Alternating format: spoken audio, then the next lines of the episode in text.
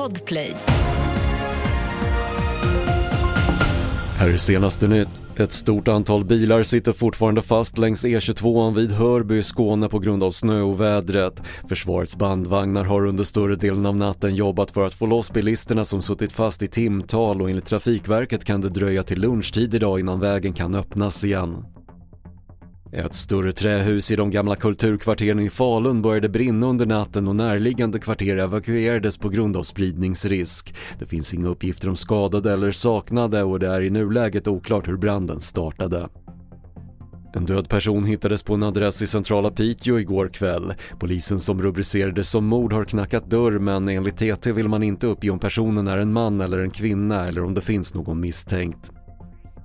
Och Donald Trump överklagar beslutet från Colorados högsta domstol att han inte får ställa upp i höstens primärval i delstaten. Frågan går vidare till USAs högsta domstol i Washington samtidigt som Trump överklagar ett liknande beslut i delstaten Maine. Fler nyheter hittar du på TV4.se. Jag heter Patrik Lindström.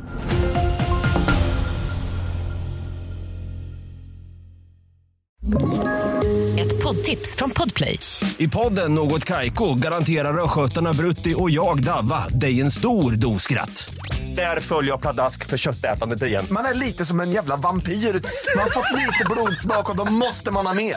Udda spaningar, fängslande anekdoter och en och annan arg rant.